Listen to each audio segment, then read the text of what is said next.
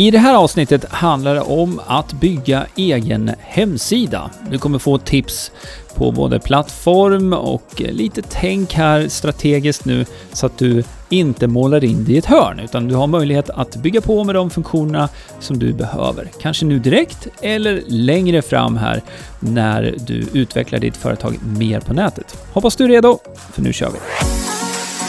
Du lyssnar på Hillmanpodden, en podcast om digital marknadsföring, trender och strategier online. Hillmanpodden presenteras av hillmanacademy.se som hjälper dig jobba smart digitalt. Ja men hej och välkommen till Hillmanpodden avsnitt 81. Nu så ska vi då prata hemsidor. Att bygga din egen hemsida, vad du behöver, hur du gör, vad det kan kosta. Jag heter Jenny Hillman. Och jag heter Greger Hillman. Superkul att vara tillbaka igen och stort tack för att du lyssnar på den här podden. Det är jättekul. Och eh, den feedbacken vi får på det här också eh, ja, signalerar att vi är på rätt spår. Och det är superroligt. Jättekul. Som sagt, dagens ämne handlar om hemsidor och det här är ju någonting som vi har väldigt mycket erfarenhet kring. Vi har jobbat mycket med hemsidor i eh, våran webbyrå som vi haft. Och eh, vi säger haft nu, för numera så finns vi mest på hillmanacademy.se där vi utbildar online helt enkelt, eh, företagare över hela Sverige. Men det här ämnet är nära och kärt och eh, som sagt, din hemsida, det är ju navet i marknadsföringen.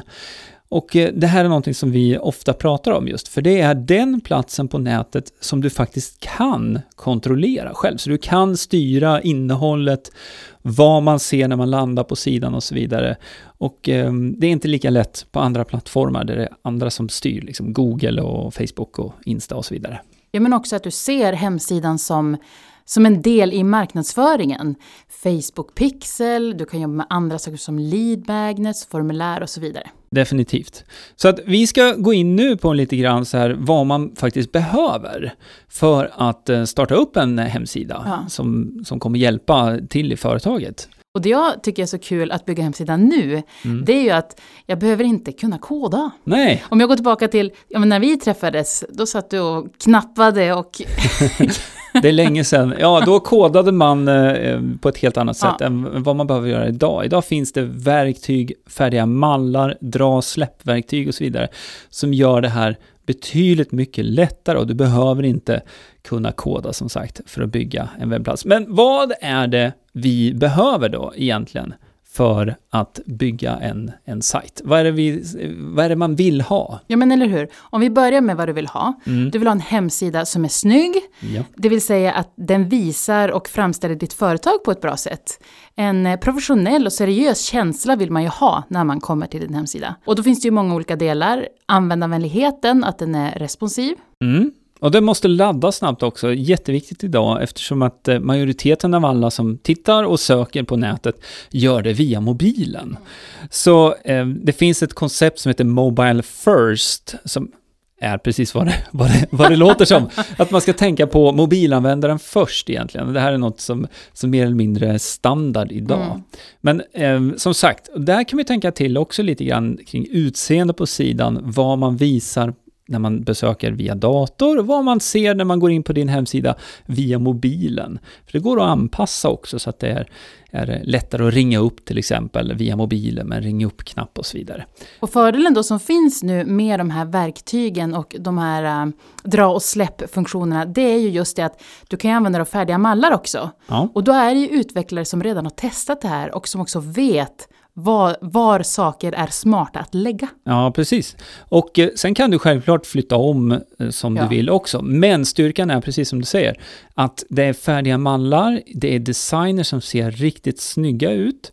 Så att det gör ju arbetet med att sätta upp en hemsida mycket, mycket enklare. Det går mycket snabbare, för man behöver inte liksom, ja men den där knappen ska vara lite mer åt vänster eller lite mer åt höger, Nej. eller den där bilden och så vidare. Det, grunden är satt. Sen vill du, fine, så kan du ändra det liksom, men, eh, men det behövs inte faktiskt. Nej, precis. Och då finns det ju många olika varianter av det här Ja, på marknaden. Det finns eh, Wix ja, Och vi har hemsida 24. Vi har också det som heter Visma. Eh, Det är ju Visma SPC som har. ehm, Wordpress. Wordpress och, och ehm, Squarespace. Precis. Som sagt, det finns många olika alternativ. Men det är klart att det är, ju, det är skillnader mellan de här också. Och vi får ju ofta frågan, vad ska jag använda för verktyg? Vilken plattform ska jag använda? Ja, och nu kommer vi från webbyråhållet och det här är ju också någonting som jag, jag uppfattar det så i alla fall, att många tänker att ja, men det är bara webbyråer som kan använda sig av, av Wordpress. Men det är väl det vi försöker förmedla här också, att, för det är det svaret på frågan Ja. vi brukar ge. Du bör använda dig av Wordpress om det är så att du vill äga plattformen själv, det vill säga din hemsida själv, och ha möjlighet att utveckla den vidare med till exempel webbshop, eh, bokningsformulär, eh, olika sådana här boxar, leadboxar. Eh, och och leadbox, nu börjar vi kasta oss med sådana här eh, Termer. termer. Så jag ska bara kort förklara. Till exempel om du har ett formulär på din webbplats där man kan fylla i sitt namn och sin e-postadress i utbyte mot att man får till exempel en pdf eller man får se en video som man inte kan se på annat sätt.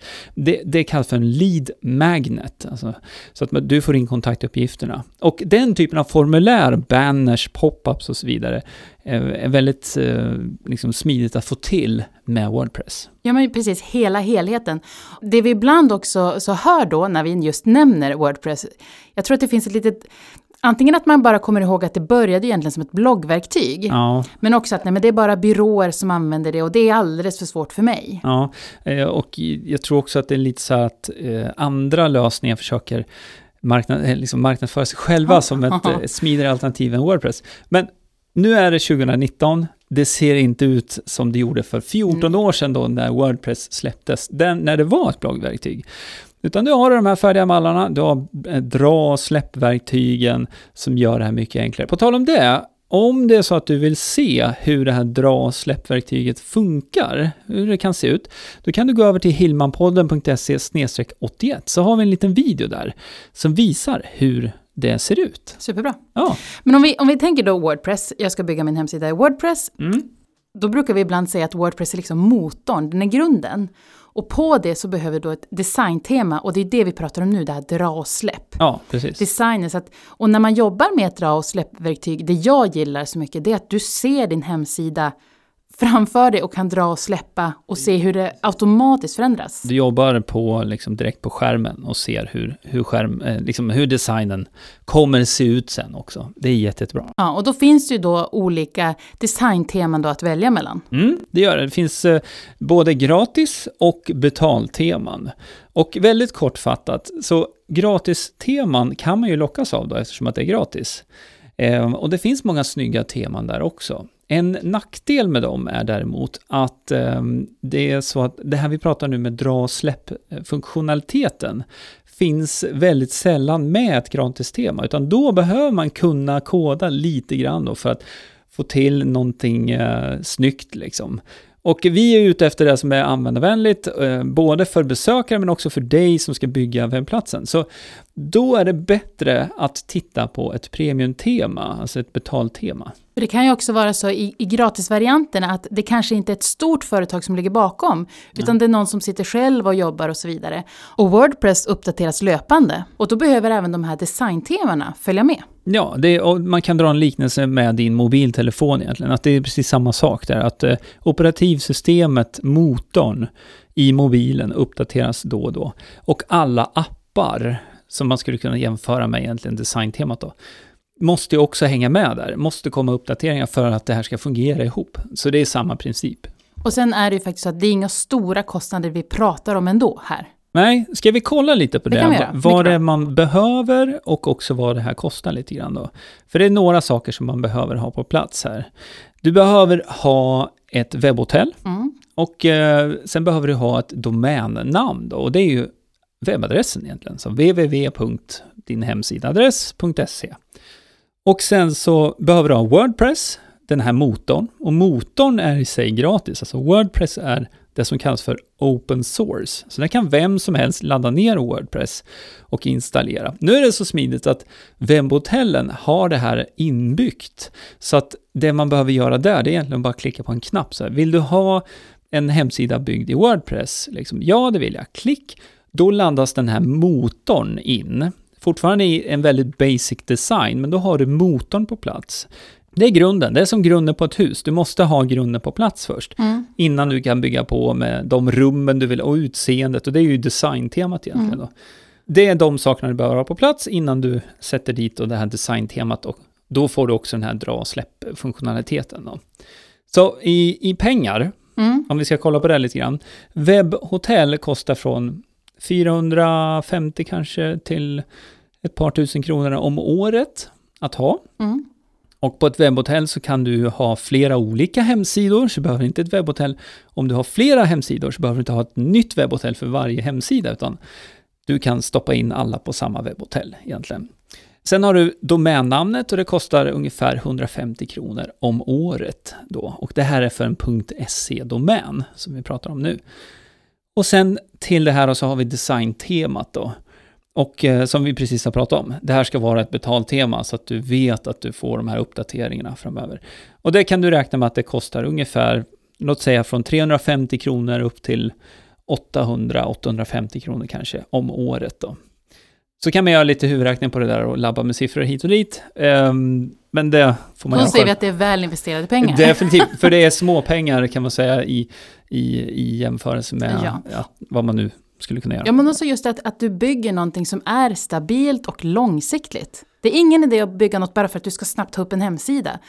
Försök tänka längre. Ja, och vi- kommer ju från den eh, liksom, synvinkeln i det här också, att hemsidan ska inte bara vara det här digitala vykortet, utan det, du ska använda den aktivt i din marknadsföring. Och då vill du verkligen se till att inte måla in det i ett hörn. Och framförallt ha den här typen av funktionalitet som du behöver. Till exempel bara lägga till Facebook Pixel, Google Analytics. Det här är saker då som gör det möjligt för dig att marknadsföra ditt företag bättre egentligen på internet. Så det är Mm. ganska viktiga bitar som man egentligen inte ser som besökare, men de finns med där på de flesta hemsidor. Då. Ja, precis. Skulle det nu vara så att det ändå känns svårt att veta de här olika stegen så har vi ju sammanfattat även dem Ja. som en checklista. Precis, och enklast är bara att gå till Hillmanpodden. Ska vi säga tillsammans? Nej. Hilmapodden.se snedstreck 81. Very, very simple. Eller Ja, hur? precis. Som sagt, så där kan du både se en checklista hur du från start egentligen kommer igång med din hemsida, men också se den här videon som vi pratade om tidigare.